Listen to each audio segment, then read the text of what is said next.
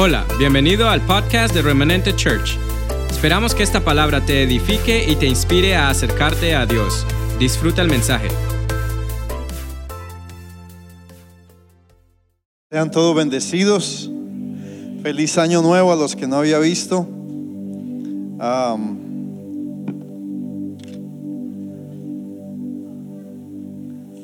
estamos listos para la palabra. Padre, bendecimos tu santo nombre esta mañana. Te damos honor y gloria. Y declaramos, Señor, que tu palabra cambia, tu palabra transforma, tu palabra libera, instruye, Señor. Y queremos que tu palabra venga y haga aquello para lo cual tú la envías. Gracias, Señor, por la vida de cada uno de los que estamos aquí esta mañana. Glorifícate y háblanos en el nombre de Jesucristo. Amén. Estamos comenzando un nuevo año. Hace ocho días estábamos hablando de un año que terminaba. Y estuve hablando acerca de cerrar ciclos y abrir nuevos ciclos. Pero también cómo a veces ciertos ciclos en que nos estancamos nos limitan, traen limitaciones a nuestra vida. Y aprovechando que estamos comenzando un nuevo año, que nuestro, nuestra mente está más abierta, estamos expectantes, siempre comenzamos así. Más allá de las expectativas que tenemos, de las propuestas que nos hacemos. Eh, Queremos cambios, queremos cosas nuevas en nuestra vida, expectamos cosas nuevas. Pero una de las cosas que es importante hacer es romper nuestros límites. A veces vivimos tan limitados emocional, espiritual, ministerial, física, mm, financieramente nos limitamos. Pero es importante que si nosotros vamos a comenzar un nuevo año, nosotros partamos de lo que somos en Dios nosotros debemos determinar, entender. Yo, yo soy un convencido hoy por hoy que mi vida sin Dios, si no parte de Dios, no alcanza los propósitos que en mi corazón tengo y los que Dios ha depositado en mi corazón. Pero para ello se hace importante que nosotros entendamos de que nosotros venimos de Dios, de que Dios creó la, la humanidad, nos creó a nosotros para reflejar su carácter, su naturaleza, su personalidad Dice la palabra de que eh, somos hechos a imagen y semejanza de Dios. Y, eso a veces suena más como, como un eslogan que como una realidad en nuestra vida. Y no importa cuál sea tu raíz, cuál sea eh, el contexto de vida que tú tengas, de dónde vienes, yo quiero que tú sepas que tú fuiste creado por Dios, que fuiste creado a imagen y semejanza de Dios. Y como tal, nosotros tenemos una estructura de parte de Dios. Nosotros somos seres tripartitos. Nosotros tenemos un espíritu que nos permite tener, contener esa naturaleza de Dios. Tenemos un alma que contiene unas emociones que nos permite vivir a una dimensión aquí en la tierra y tenemos un cuerpo, o sea, somos espíritu, alma y cuerpo, podemos movernos en tres dimensiones. Y para cada dimensión Dios hizo provisión hizo una dimensión espiritual para que nosotros pudiéramos tener una relación con Él. Dios nos creó para que nos relacionáramos con Él.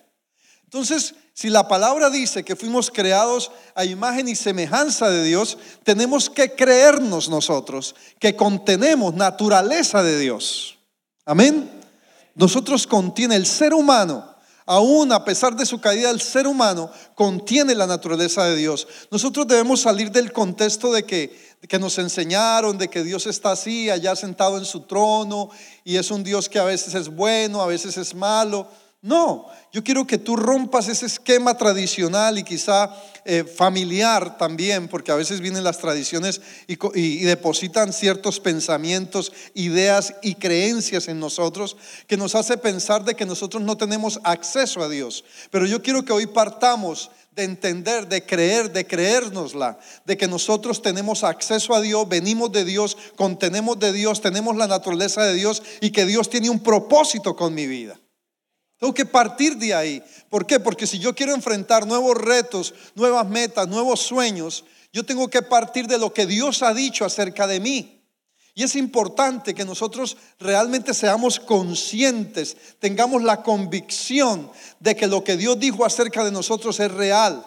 Porque si obtenemos la naturaleza de Cristo, si tenemos la naturaleza de Dios y queremos romper límites, ser gente de éxito, gente de bendición, debemos captar, aceptar y hacer parte de nosotros lo que somos en Dios. ¿Para qué? Para que a través de lo que somos en Dios podamos hacer aquello que queremos. El problema es que mucha gente quiere hacer muchas cosas grandes sin saber quién realmente es. Entonces es importante que nosotros sepamos quiénes somos realmente en Dios. Porque si contenemos esa naturaleza, si queremos romper límites, si queremos trascender, si queremos ser influyentes, debemos saber también que contenemos, dice la palabra, que tenemos la mente de Cristo. Y miremos a Cristo no como Dios en la tierra, sino como hombre. Cristo se manifestó como hombre en la tierra. Era un hombre de un pensamiento abierto, de un pensamiento que trascendía, de un pensamiento que rompía límites. ¿Por qué? Porque aún él sabiendo que iba a morir, no se limitó, sabiendo que iba a morir a los 33 años, joven. 33 años es ser joven. Él no se limitó, él fue más allá, él sabía que esa muerte iba a traer una, una, victoria que le iba a poder romper los límites para que la humanidad, para que tú y yo fuésemos, libres de la muerte. Amén. Entonces es importante que nosotros tengamos la... Mire, yo hoy, hoy es de esos días que quiero predicar que, da gusto predicar. Porque esta palabra es llevarte en el, en el poder del Espíritu Santo a que tú camines siendo quien realmente tú eres en Dios. No lo que las circunstancias te digan. Tú necesitas romper los límites aún de tus propios sentidos. ¿Por qué? Porque somos muy visuales muchas veces. Obviamente vemos lo que está a nuestro alrededor, pero cuando tenemos la mente de Cristo, nuestros sentidos trascienden. Y vemos más allá y oímos más de lo que, a veces oímos y podemos proyectarnos aún con lo que hablamos de una manera diferente. Entonces, la palabra de hoy tiene que ver con romper nuestras limitaciones. Necesitamos romper los límites, porque hay muchas limitaciones y esas limitaciones se han estacionado en nuestra mente. Y empezando este nuevo año, es bueno que tú sepas, que alguien te diga, que alguien me diga, que alguien me explique, dijo Derbez que alguien me diga quién realmente yo soy. ¿Cuál es la capacidad? ¿Cuál es el potencial que yo contengo? No como una palabra de motivación, como hay muchas por ahí, sino como una verdad que hace parte de mi vida. Hay una verdad que hace parte de tu vida. Hay una verdad que estructura tu vida. Hay una verdad que es el fundamento de tu vida y parte de lo que Dios dijo. Y tú y yo necesitamos posicionarnos de lo que somos. Y para eso la palabra es clara, porque eso lo dijo Dios. Hay cosas que tú necesitas saber qué dijo Dios acerca de ti. Hay cosas, como lo decía hace ocho días, que nosotros necesitamos saber que están escritas en el libro de Dios acerca de mí y que cada cosa que yo emprenda, que cada cosa que yo sueñe, que cada cosa que yo quiera irrumpir está fundamentada en lo que Dios dijo acerca de mí. Amén. Así que esta mañana tú vas a, a ponerte eh, eh, esa vestidura de lo que Dios dice sobre ti. De tal forma que tú empieces a caminar este año rompiendo y quitando los obstáculos, rompiendo los límites, rompiendo los límites que se estacionaron en mi mente por las cosas que me sucedieron en el 2019. Mira, 2019 se acabó. Dígale al que está al lado, 2019 se acabó. Ya no va a volver.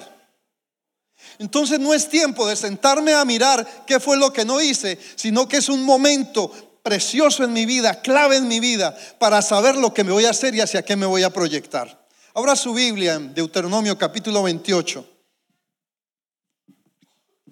Y, yo le oraba al Señor, le voy a confesar, ayer eran las 7 de la noche, llevaba todo el día orando, Señor, ¿qué predico? ¿Qué predico? Señor, yo, porque yo quiero que usted sepa, yo no hago Tim Marín de dos pingüe, cucaramaca, titirifue, no. Yo le oro al Señor y le digo, Señor, ¿qué, tengo que hablar? Y eran las 7 de la noche y mi esposa apenas me veía caminar de para lado y lado, me sentaba, prendía el televisor, lo apagaba, volvía y me iba para la oficina, volvía y me sentaba y decía, Señor, ¿qué quieres que yo diga esta mañana? Cuando de pronto, así como un de repronto, ¿sabes lo que es un de repronto? De repronto es una mezcla de de repente con de de pronto. Un de repronto. ¡Ah! Esa palabra cae sobre mí y empieza a fluir esto que yo te voy a hablar esta mañana. Habla su Biblia en Deuteronomio capítulo 28.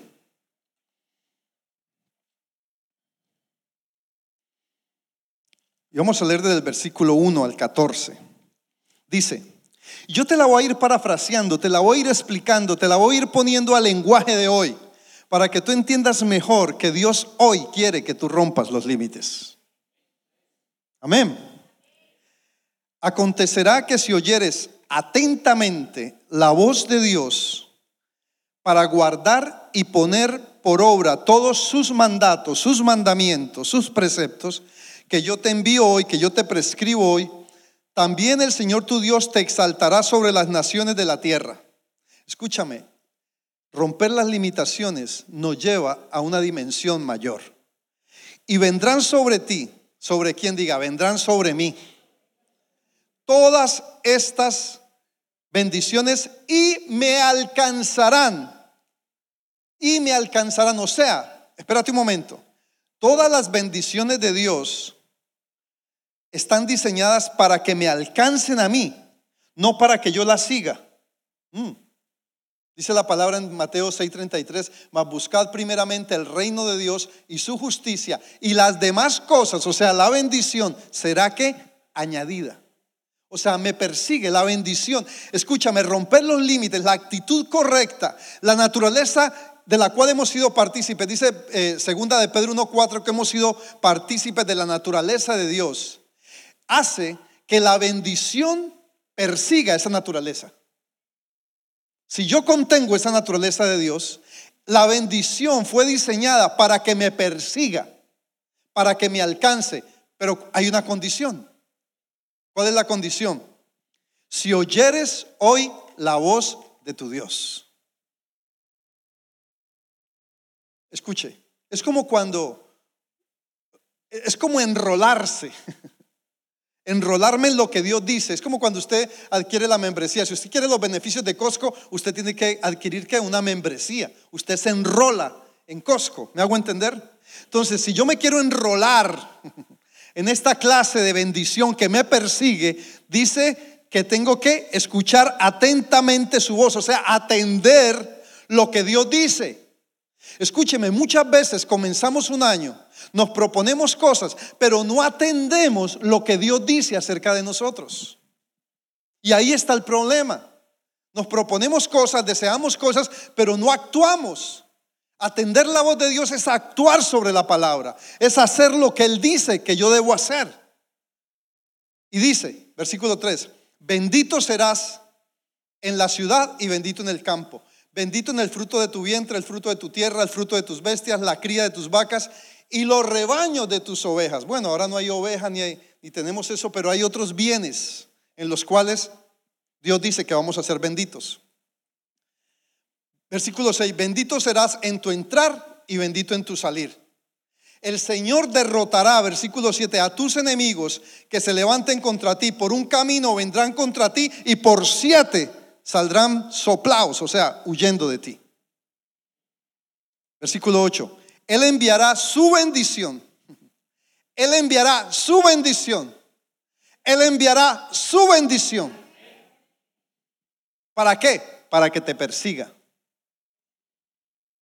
Él enviará su bendición sobre tus graneros, sobre todo aquello en que pusieras que tu mano, y te bendecirá en la tierra que Él te dio. ¿Cuál es la tierra que Él nos dio? Esta. Dios te va a bendecir aquí, en tu tierra. Aunque a veces mantenemos el corazón en la nuestra, es normal. Alguien decía hace, un tiempo, venía, me se acordaba de un hermano anciano que venía a la iglesia. Porque nosotros cuando estamos en nuestros países, anhelamos venir a este país, comemos pizza, comemos hamburguesa, oímos música en inglés. Pero cuando llegamos a este país, vemos un, partido de nuestra, de nuestra selección y lloramos y queremos pupús, arepa, salteña, nos ponemos la bandera y anhelamos el país. O sea, así mantenemos a veces. Pero la tierra nuestra es esta. La tierra nuestra es esta. Esta es la tierra donde Dios escogió bendecirte. Partamos de ahí. Esa es una limitación que a veces tenemos. Ya le voy a hablar más de eso. Versículo 9. Te confirmará el Señor por pueblo santo suyo, como te lo ha jurado, cuando guardaren los mandamientos del Señor tu Dios y anduvieres en sus caminos. Y, verán todos los pueblos de la tierra que el nombre del Señor es invocado sobre ti y te temerán.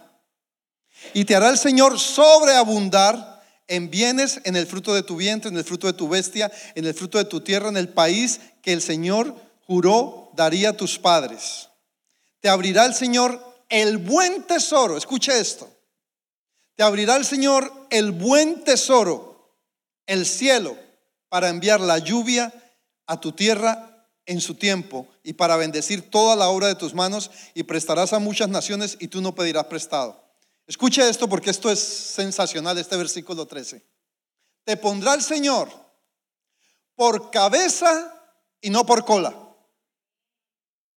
Te pondrá Señor por cabeza y no por cola. Y estarás encima solamente y no estarás debajo. Si obedecieres los mandamientos que el Señor tu Dios te ordenó. ¿Y para qué? Para que los guardes. ¿Y qué más? Y los cumplas. Y si no te apartares de todas las palabras que yo te mando hoy, a izquierda y a derecha, para ir tras dioses ajenos y servirles. Entonces, cuando escuchamos una palabra de estas, tenemos que saber que es Dios hablándome a mí y a ti.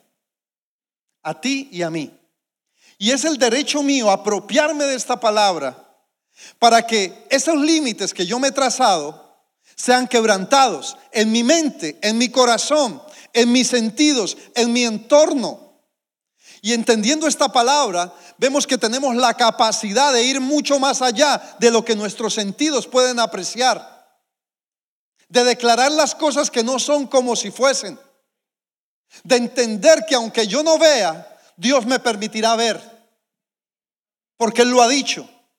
Y dice la palabra en, Jeremías 29, 11 que los pensamientos que tengo acerca de vosotros son pensamientos de bien, son pensamientos de bendición y no de mal, porque quiero darte el bien, quiero darte aquello que tú sueñas, dice la palabra.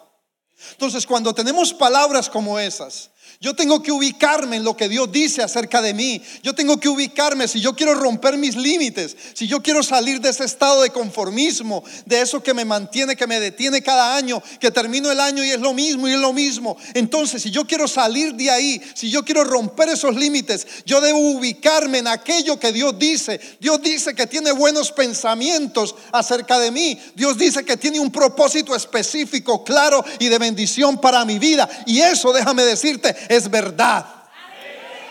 Dale ese aplauso al Señor. ¿Cuál es mi garantía? Mi garantía es que si, yo te, si tú eres un buen papá, un papá normal, un papá bueno, y te pregunto acerca de tu hijo, el propósito que tú tienes es que tu hijo avance que tu hijo se supere, que tu hijo irrumpa, que tu hijo prospere, que tu hijo alcance sus sueños, que tu hijo sea una persona de bien, que su hijo camine en propósito. Imagínese, si usted y yo, siendo terráqueos, siendo terrenales, anhelamos eso, cuánto más nuestro Dios anhela de una manera dimensional, de una manera que no podemos apreciar inclusive, ni imaginar cuánto más Él quiere bendecirte y hacer que rompan los límites. Porque Él quiere que estemos ¿qué? arriba y no abajo. Fuimos creados para, para caminar en las alturas. Y no, no lo hablo como una posición geográfica de estar allá en las nubes, porque si hay gente que camina en las alturas, pierde la noción del tiempo. No, hablo de que Dios nos creó para ser cabeza. Dios nos creó para ir adelante. Dios nos creó para ganar, no para perder, aunque a veces perdemos. Entonces, cuando vemos esto, entendemos que Dios no me quiere mediocre, Dios me quiere caminando en excelencia, que Él no me quiere en el valle, Él me quiere en la montaña, que Él no me quiere en la derrota, en la derrota Él me quiere en la victoria. Y, y cuando yo veo esto, viene a mí lo que es, hay un ejemplo muy grande acerca de esto que es el águila. El águila es uno de los animales o de las aves que es representativa de gobiernos, de organizaciones, de, de, tantos lugares que, toman el águila como, ejemplo por lo que el águila representa. El águila, ustedes saben, es el animal que más altura puede alcanzar. y se ha considerado en lo político, en lo social, en lo nacional, como un símbolo de poder, de excelencia, de valor. Y el águila tiene características. El águila no se conforma con lo que es. El águila siempre está buscando alcanzar el vuelo más alto que puede lograr.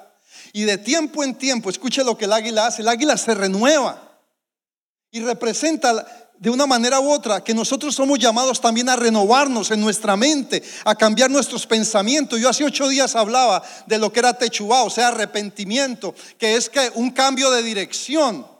Realmente la palabra arrepentimiento tiene que ver con un cambio de mentalidad, de yo de salirme de esa mentalidad de pecado a una mentalidad de obediencia de cambio de dirección, de, salirme de esa vida de derrota a una vida de victoria de cambiar mis hábitos, hábitos de pecado, hábitos de, cosas que no me, no me ayudan, de cosas que me lastiman, a hábitos que Dios ha hablado en su palabra que yo tengo que adoptar para que la bendición sea liberada sobre mi vida. Entonces, cuando hablamos de esa renovación, el águila de tiempo en tiempo, el águila se renueva a sí misma. Ella se sube a un lugar más, el, pico más alto, y allá coge y desecha su plumaje. Ahí se está un tiempo. Rompe su pico viejo para que le salga un pico nuevo. Daña sus garras viejas para que le salgan garras nuevas. Entonces, ¿qué me dice eso? Que el águila representa renovación. El águila representa las alturas, representa aquello que Dios ha preparado para nuestras vidas. En Israel hay una clase de águila que es una, dicen que es de las águilas más impresionantes que hay, que es el águila dorada o real que le llaman. En la palabra en Éxodo Dios dice que Él cuando sacó a Israel de Egipto, lo sacó en alas de águila. Entonces, ¿qué representa eso? Que Dios me llama a una renovación, a un cambio de actitud, a un cambio de mentalidad. Si yo quiero romper mis límites, si yo quiero romper mi conformismo, si yo quiero salir de esa condición que me detiene día tras día, entonces tengo que decir, ¿quién soy yo en Dios? Tengo que apreciar esta palabra que Dios habla acerca de nosotros. Dice Proverbios 4:18, que la senda del justo es como la luz de la aurora que va en aumento. Hay la palabra senda en el original, es la palabra torbellino o espiral, que va en ascenso. Escúcheme esto. Las filosofías mentales, por decirlo de esa manera, de trascendencia mental, nos llevan a avanzar hacia adelante. Pero la palabra nos creó para avanzar hacia arriba. Hello. El avance bíblico no es hacia adelante. El avance bíblico es hacia arriba. Porque la senda del justo es como la luz de la aurora, o sea, que va en aumento hasta que el día es perfecto. Hay un punto del día, un punto cero, donde el día es perfecto, donde está el máximo resplandor de luz, donde usted se para y no hay sombra ni a izquierda ni a derecha. Es cuando el día ha llegado a su perfección, cuando el día perfecto es. O sea, es cuando llegamos a esa dimensión que Dios ha creado para nosotros en aumento. Dice también la Biblia que eh, eh, hemos sido bendecidos, Efesios capítulo 1, hemos sido bendecidos con toda bendición espiritual. ¿Dónde? En los lugares celestiales. Pero no es para que nosotros nos remontemos al cielo, sino para que entendamos que estamos respaldados por el cielo, estamos respaldados por las alturas de Dios, estamos respaldados por aquello que Dios dijo acerca de nosotros, de que nuestra vida fue creada para ir, dice que la senda, la senda, el camino. Yo lo hablaba hace ocho días, que camino, encamina, eh, eh, eh, encomienda al Señor tu camino, encomienda al Señor tu senda e irá en aumento hasta que el propósito de Dios sea perfecto en tu vida, hasta que se rompan los límites, hasta que tu mente cambie de tal forma que tú no tengas opción de pensar de otra manera que no sea el avanzar.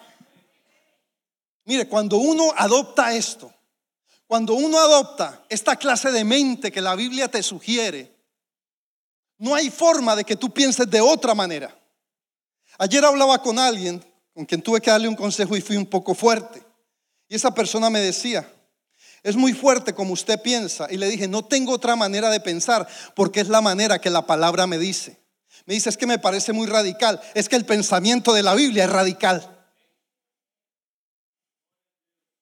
Si mi pensamiento no es radical, voy a estar, como dice eh, eh, eh, Santiago, el hombre de doble ánimo es que inconstante en sus caminos. O sea que la palabra no me da el chance, no me da el margen, no me da ese gap, como dice en inglés, para que yo camine en doble ánimo.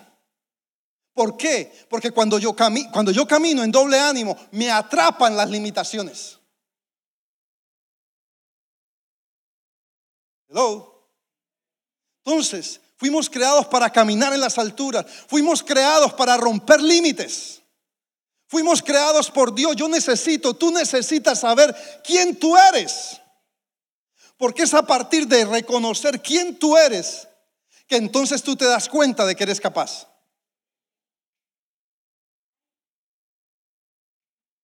Sí, diga ahí.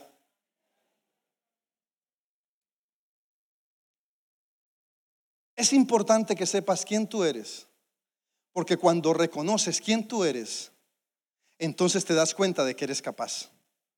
Póngalo en Facebook. Porque entonces entenderás y sabrás que fuiste creado, que tienes una estructura capaz de romper los límites. No como producto de una propuesta, porque es que cada año nos proponemos cosas sin fundamento.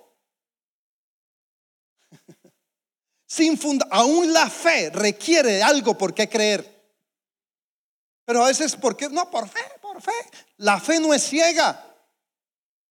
Si yo voy a emprender un caminar donde yo voy a romper mis límites, yo tengo primero saber quién soy. Tengo que saber quién soy en Dios.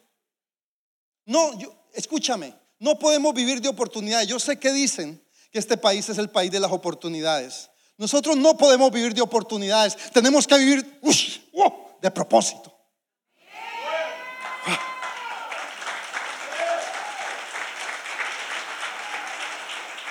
Porque la oportunidad es algo que cae, de pronto te cae en la cabeza. Pero el propósito es algo que vives, que tú trazas, que tú construyes, que tú edificas, que tú sabes que vas por ahí porque sabes para dónde vas y a dónde vas a llegar en Dios. Amén. Dale ese aplauso al Señor. Y lo que busco con esta palabra es que se rompan tus límites. ¿Cuáles límites? Los de tu mente, los de tu actitud. Cuenta la actitud cuenta para, para cambiar mi vida, para cambiar las cosas, para cambiar mi entorno en Dios. Mi actitud cuenta. Si quiero volar alto, mi actitud cuenta. Dios no quiere, mira, Dios quiere que nos convirtamos a esto, pero que nuestra conversión no sea un tema de acuerdo mental. Dios no quiere convencernos mentalmente, Él quiere cambiarnos mentalmente. Porque cuando mi mente cambia, cambiará mi actitud. Y cuando mi actitud cambia, cambia mi entorno, cambia mi ambiente. Las personas, escúcheme, cuando usted entra a un lugar y usted percibe un ambiente, es por causa de la actitud de la persona o de las personas que hay en ese lugar. Usted ha visto que llega a lugares donde, wow, aquí se respira paz. Se respira paz aquí. ¿Por qué? Porque hay un ambiente de paz. Pero hay lugares donde usted llega y huele, uy, aquí se respira azufre.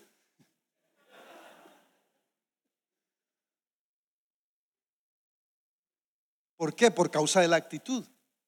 Porque si no hay cambio mental, si no hay convencimiento, escúcheme, si no hay si no hay convicción y la convicción me la da la palabra, o sea, lo que Dios dijo acerca de mí, eso trae convicción, te lo voy a desenredar. La convicción me da la oportunidad de cambiar mi mentalidad. Cuando hay convicción, mi mente cambia. Porque creo en lo que estoy convencido. Y si estoy convencido de lo que Dios dice, entonces eso es lo que creo. Más claro no canta un gallo, dijeron por ahí. Si mi mentalidad cambia, cambia mi actitud. Si mi actitud cambia, cambia mi ambiente. Si mi ambiente cambia y estoy de acuerdo a la mentalidad de Dios, mi ambiente es bueno. Y si mi ambiente es bueno, se caen los obstáculos. No veo obstáculos porque tienes fuerza. ¿Qué pasa cuando usted está alegre? se come el mundo. ¿No ha visto que usted por la mañana se levanta a veces que lo que me pongan, a ver, ¿cuántos pares son tres moscas? A ver. Porque su actitud lo lleva a entender, a, a ubicarse en un punto donde usted rompe límites. Y entonces empiezas a caminar en alturas. No estoy hablando de un lugar geográfico, estoy hablando de actitud. Me estoy haciendo entender, iglesia. Entonces mis límites empiezan a romperse. Ahora, escúcheme esto. El que se deje trazar los límites, pierde. El que se deje poner las condiciones de las circunstancias, de los desanimadores, de personas, del diablo, por decirlo de esa manera, pierde. Déjeme contarle una historia que aprendí hace muchos años, es tonta. Una vez un hombre se iba a tirar de un puente. Rapidito la voy a contar. Porque había perdido todo, estaba desengañado, lo habían abandonado, todo. Y de pronto un viejito va pasando y lo ve. Le dice, hey, hey, ¿qué está haciendo? Dice, me voy a matar, no quiero vivir. Y el anciano tenía a su esposa muriéndose. Y le dice, no hagas eso, tú no sabes cuánta gente en este momento quisiera vivir y no puede. Y él decía, no, no, me voy a matar, me voy a matar. Y el anciano le dijo, ok, yo te hago una propuesta. Y si, y si, y si aceptas esa propuesta, quizá no, no, no, no, te, no, te, no te suicides, no te mates. Y él le dijo, ¿cuál es su propuesta? Le dijo el hombre. Le dijo, hagamos una apuesta. Vamos a hacer una carrera, le dijo. Y el anciano y el hombre le dijo, ¿una carrera usted y yo? Le dijo, sí, una carrera. Dijo, pero si usted sabe que le voy a ganar, igual me voy a matar. Le dijo, no, no, pues dame la oportunidad, le dijo. Y así la historia larga, corta, apuestan la carrera y cuando fueron a arrancar una carrera a 100 metros, el anciano le dijo, espera, espera, espera, espera. Pero quiero que te pongas unos plomos aquí en las, en las pantorrillas. ¿Ya? Unos plomos pesados. Y él le dijo, ok, igual le voy a ganar. Y se puso los plomos. Cuando yo iba a arrancar, le dijo, espera, espera, espera, espera, espera. Vas a caminar de para atrás. Vas a correr de para atrás los 100 metros. Y el hombre, lo que quiera, yo le voy a ganar, anciano, yo le voy a ganar. Y ya iban a arrancar. Cuando le dice el anciano, espera, espera, espera, espera. Te voy a tapar los ojos. Y él le dijo, esta es que sea la última condición. Ya, le dijo el hombre. Le dijo, sí, sí, ya no más, ya no más. Y arrancan. A los 10 metros el hombre se cayó. Y el anciano siguió y ganó la carrera. ¿Sabes por qué perdió el hombre? Porque se dejó poner las condiciones. Hello. Cuando tú te dejas, dale ese aplauso al Señor si quieres. Cuando tú te dejas poner las condiciones, tú pierdes. Escúchame, Dios te creó para ser un guerrero y una guerrera. Y voy a decir algo con mucho respeto, porque a veces matamos el tigre y nos asustamos con la piel. Y hay muchos aquí que han matado el tigre. Y voy a decir esto con mucho respeto. Siempre me ha llamado la atención, porque yo sé que muchas personas han llegado a este país de diferentes maneras, pero ha habido una manera muy fuerte, y lo digo esto con respeto, que es a través de la frontera. Y yo siempre pienso, yo he visto personas que desde que salen de su casa, me imagino, yo, yo hago este cuadro, primero tienen que desprenderse de sus hijos, de su familia, de su ambiente, de su cultura, de todo, y arrancan decididos, determinados, con la incertidumbre que no saben qué va a pasar, porque no saben si los van a coger en la frontera, si van a encontrarse con alguien malo, si van a encontrar las personas. O sea, es una aventura. Y para vivir aventuras se necesitan guerreros, aventureros. Y personas pasan esa frontera como sea, determinados, mejor dicho, batallados contra lo que sea, agua, río, moscos, malezas, lo que sea. Como águilas, como verdaderas águilas, pero llegan aquí y se vuelven pollos.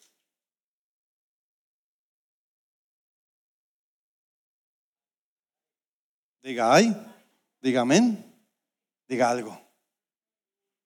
¿Por qué? Porque dejaron que su mente fuera condicionada. Y perdieron el propósito.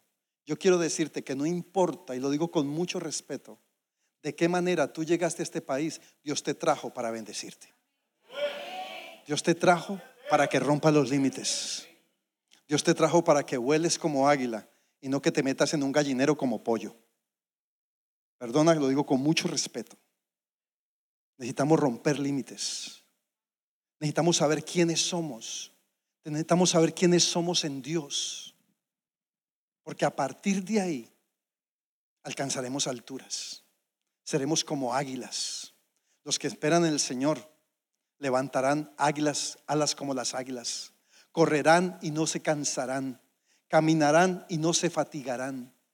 Porque cuando tú entras en esta dimensión, entonces entiendes que Dios te creó para ser cabeza y no cola, para estar arriba y no abajo. Y tienes la capacidad, yo te hablé al principio de la estructura de cómo Dios nos creó. Nos creó a su imagen y semejanza. Y nosotros no podemos, los hijos de Dios, no podemos ni sentirnos ni caminar menos que eso. Tenemos que caminar como lo que Dios dijo que yo soy como lo que Dios dijo que yo puedo, como lo que Dios dijo que yo tengo. Y además de eso, Dios te ha dado una llave. Es un momentico Apocalipsis. Hoy voy a ser corto y sustancioso.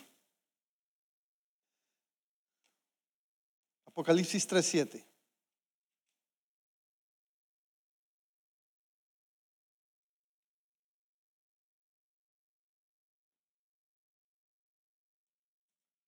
Apocalipsis 3:7 dice, vamos a leer desde el 6. El que tiene oído, ¿hay alguien que tenga oído aquí? Entonces oiga. El que tiene oído, oiga.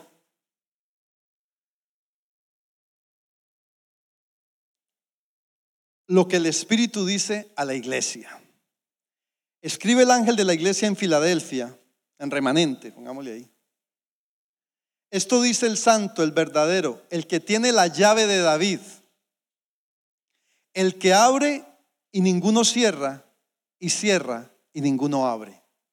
El que tiene la llave que abre y nadie cierra, y la llave que cierra y nadie abre. Escúcheme esto. Las herramientas que Dios nos ha dado son herramientas de poder. Dios nos ha, quítese de la mentalidad que usted no es, que usted es cualquier hijo por ahí. No, usted es un hijo de Dios. Usted no es cualquier hijo. Usted es un hijo de Dios.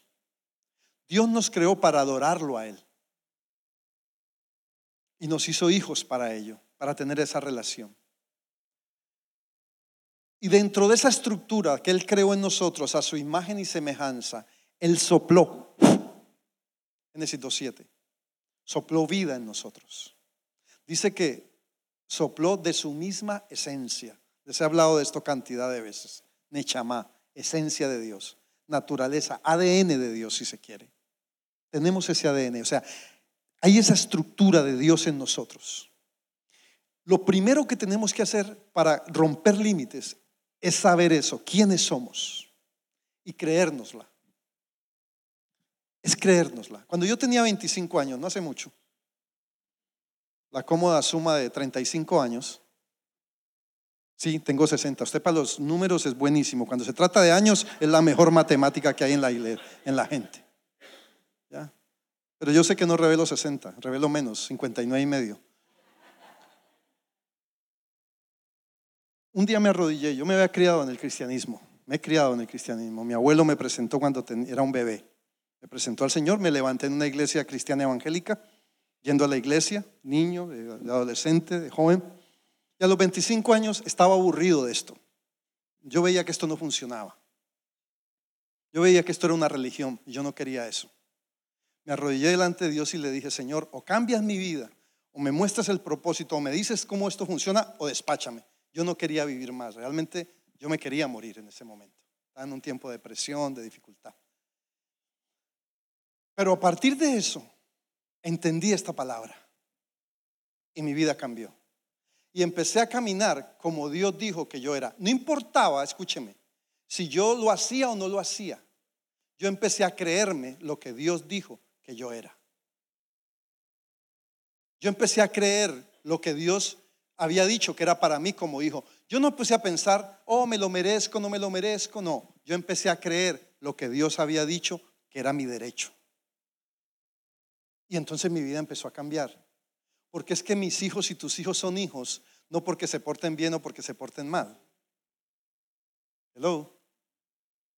Son hijos porque Dios te los dio como hijos. Y tú eres hijo de Dios porque tú recibiste a Cristo en tu vida y eso te dio ese derecho legal. Y cuando tú entraste a ser un hijo de Dios, tú recibiste la naturaleza de Dios. Se liberó otra vez la semejanza de Dios en tu vida. Entonces entraste a gozar del derecho, del derecho de hijo. Entonces nosotros no podemos caminar, perdone la expresión tan fuerte, como simples hijos de vecino, como el hijo del lechero. Somos los hijos de Dios. Y hay un derecho legal que nos cubre. Y ese derecho te tiene que llevar a que esa palabra que yo te leí hoy, y léete la segunda parte también, porque la segunda parte también muestra si no camino en lo que Dios dice. Y no porque Dios me castigue, escúchame, Dios no te castiga, tú te castigas. Cuando tú escoges vivir la vida que quieres, tú te castigas o te bendices, porque la promesa está lista para cada uno.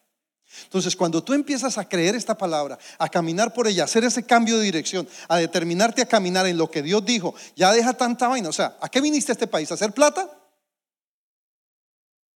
A lo mejor no pase. Sí, vamos a vivir bien, tenemos un buen carro, una buena casa, pero a lo mejor no te vas a hacer rico. Porque es que, o pueda que te haga rico, pero eso no significa que seas próspero. Porque prosperidad tiene que ver con Dios. La prosperidad viene de Dios.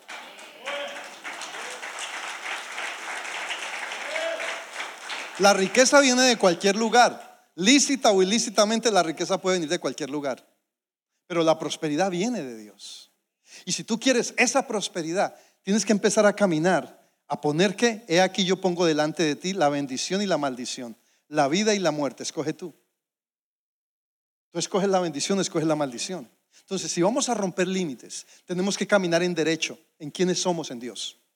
Cuando yo me creo quién soy, entonces tomo los derechos que Dios me ha entregado, tomo las herramientas. Y esta palabra de Apocalipsis me dice que Dios me entregó la llave, la que abre y nadie cierra, la llave que tiene el poder para cerrar tu pasado y nadie lo abre. Porque es una de las cosas que más aqueja y más limita a las personas hoy por hoy su pasado. Mira, si vamos a pasado, todos tenemos un pasado, pero Dios lo cerró, Dios lo selló, Dios lo tiró al fondo del mar y tú ahora caminas por lo que Dios ha dicho, tu presente que empieza hoy. Amén. Y esa llave, mira, uno de los tesoros más impresionantes que poseemos es la mente.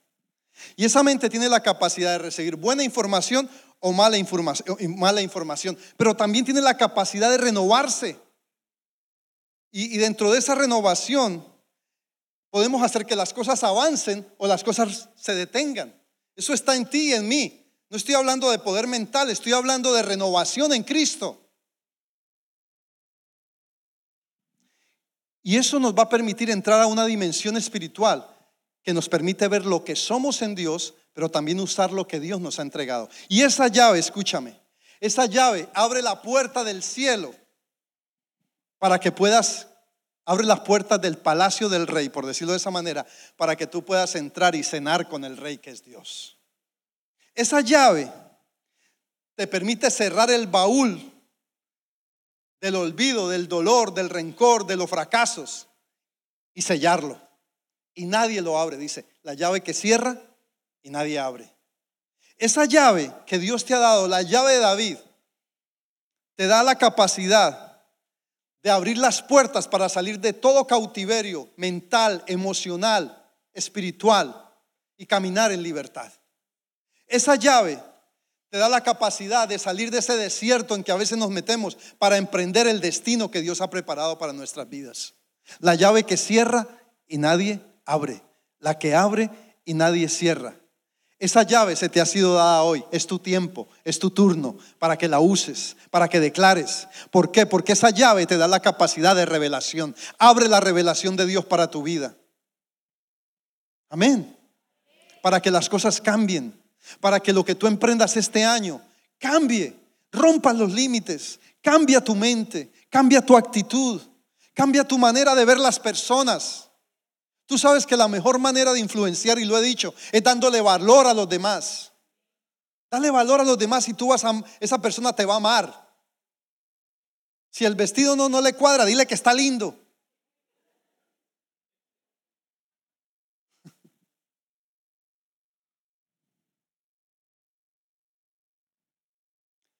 La llave de Dios abre, los estanques de Dios para que llueva, para que haya abundancia, para que fluya en tu vida.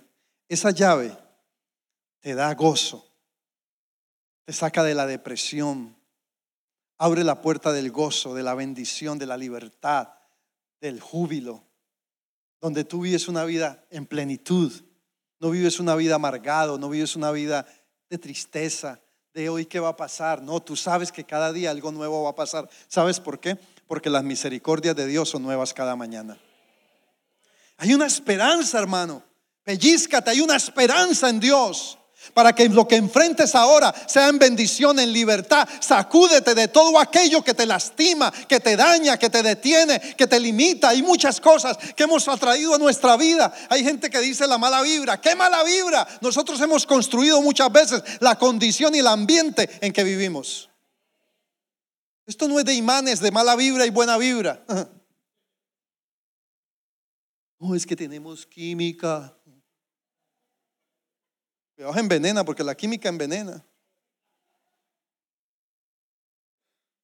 Esto es de propósito. Mire, las cosas de Dios son claras.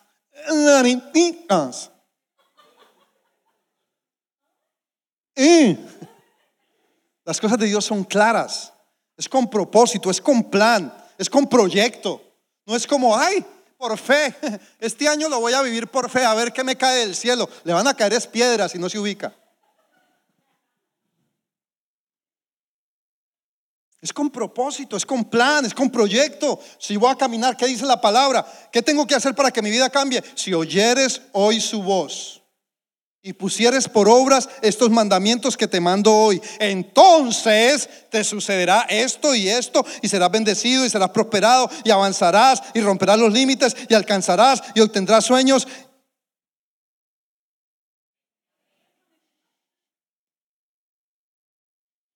con proyectos, esto no es con el tema de, vamos a ver este año, a ver, mi Diosito de pronto me hace el milagrito este año y el mancito aparece. No, espérate, espérate. O la hembrita, como dicen por ahí. No, no, espérate. Vamos a orarlo y vamos a mirar para donde hay que ver. Cuando uno, escúchame, cuando uno entiende que la naturaleza de Dios está en la vida de uno, los sentidos se adiestran. Dice Hebreos 5:14, que nuestros sentidos serán adiestrados en el conocimiento del bien y del mal. Entonces tú vas a ver la hembrita que es y el mancito que es. Y eso atrae. Eso atrae. Mire, ustedes me jalan la lengua. Me jalan la lengua. Pero dejémoslo ahí.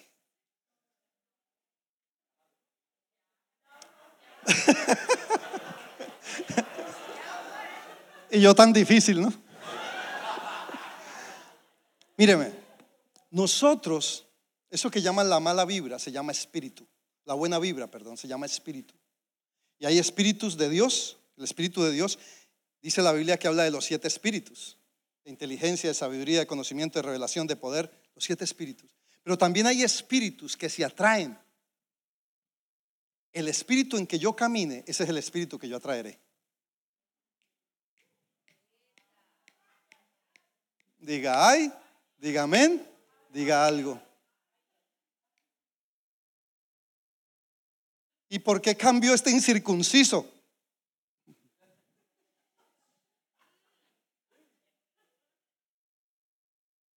Pero si yo confío en ella, porque ese es el espíritu que usted contiene. Yo no sé por qué me pasó esto, pastor, pero es que yo, yo le dije, yo confío en ella. Pero es que lo mismo que usted que ella tenía, usted tiene, papito. Los espíritus se atraen. Y en el espíritu que tú camines, ese es el que te va a perseguir. Si tú caminas en la naturaleza de Dios, en la bendición de Dios, en la palabra, estas bendiciones te alcanzarán. Si lees los otros 15 versículos, también verás qué maldiciones te alcanzarán. Diga, ay, dígame, diga algo. Y cierro con esto. Hay dos llaves claves en esto. Una que se llama la oración y otra que se llama la obediencia. Órale al Señor y obedece. La vida cristiana es lo más simple, lo más sencillo, lo menos complicado que hay en este mundo. Los predicadores la complicamos y nosotros la complicamos. Pero hay dos llaves que son claves, la de la oración y la de la obediencia. ¿Sabe por qué? Porque mi vida puede estar como esté. Yo he tenido momentos duros en mi vida, pero ¿sabe qué me ha sacado adelante? Estos mandamientos que yo te envío hoy, ponlos por obra. Eso me ha sacado adelante. No importa si lo siento, hay veces que no quiero ni venir a la iglesia. No le voy a decir al pastor, pero hay veces que no quiero ni venir a la iglesia. Pero yo obedezco, porque Dios me llamó a esto. Hay veces que me quisiera viendo, a veces unas series tan buenas que uno se ve en Netflix, ¿no he visto una muy buena? Y uno se quisiera, ¡ah! Mi esposa me dice, ¿por qué no vas a ir a la iglesia? Digo, porque allá me molestan. No, tienes que levantarte para ir a la iglesia. No, no quiero. Y sigue insistiendo. Y yo le digo, pero ¿por qué quieres que vaya a la iglesia? Y me dijo, por dos cosas, porque hoy es domingo y tú eres el pastor. No, mentira.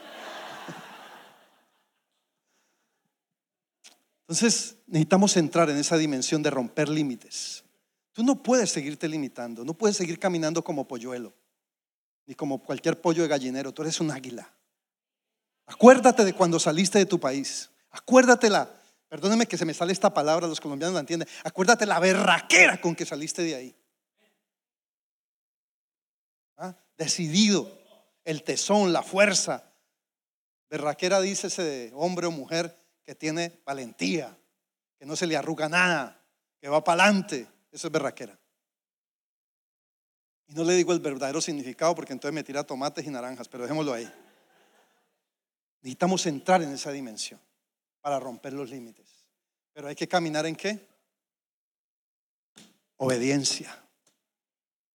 La mejor propuesta, mira, antes de que pensar en adelgazar, en conseguir dinero, en hablar inglés, la mejor propuesta que te puedes hacer es la obediencia. Es la clave de todo. Y dice, y cierro con esto, Isaías 35, 8. Y habrá allí camino y se llamará camino de santidad. El que anduviere por este camino, el camino de la obediencia, por torpe que sea, no se extraviará. Usted sabe que yo he sido torpe, pero obedecido. Y eso me ha guardado de nuestra. Me he visto en momentos que digo, ¿para dónde co? Pero cuando tú tienes una cultura de obediencia, a pesar de que fallamos, nos equivocamos, erramos, a veces damos buenos consejos, a veces puedo dar hasta malos consejos, no me malentienda. Pero más allá de eso, de esas torpezas, hay obediencia. Y por torpe que sea, no te vas a extraviar. Por bobadas que hagamos, si caminamos en esta dimensión de obediencia, no nos vamos a extraviar. Y romperás los límites. Fuiste creado a imagen y semejanza de Él. Tienes la mente de Cristo. Y si tienes la mente de Cristo, camina en la actitud de Cristo. ¿La quieres conocer? Lee los cuatro evangelios. Ponte de pies.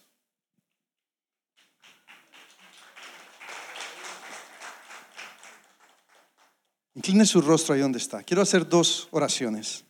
La primera, si tú estás aquí por primera vez y tú quieres caminar en esa dimensión de, de romper límites, de tener la mente de Cristo, hay que tomar a Cristo. Hay que recibir a Cristo. Hay que entrar en, en, comunión, en relación, en activar esa naturaleza. Incline su rostro. Yo quiero hacer una oración. Quiero que la hagan conmigo. Si usted no la ha hecho antes esta oración, repítala conmigo. Padre, en el nombre de Jesucristo, hoy te reconozco como Dios y a Jesucristo como Señor y Salvador. Perdona todos mis pecados. Yo me arrepiento. Hoy cambio de dirección. Reconozco que Cristo murió por mí para darme vida y librarme de la muerte. Yo recibo tu perdón y te pido que escribas mi nombre en tu libro y me recibas como tu hijo. Hoy declaro en oración y voluntariamente que te recibo en mi corazón y reconozco que resucitaste para darme vida eterna en el nombre de Jesucristo. Amén.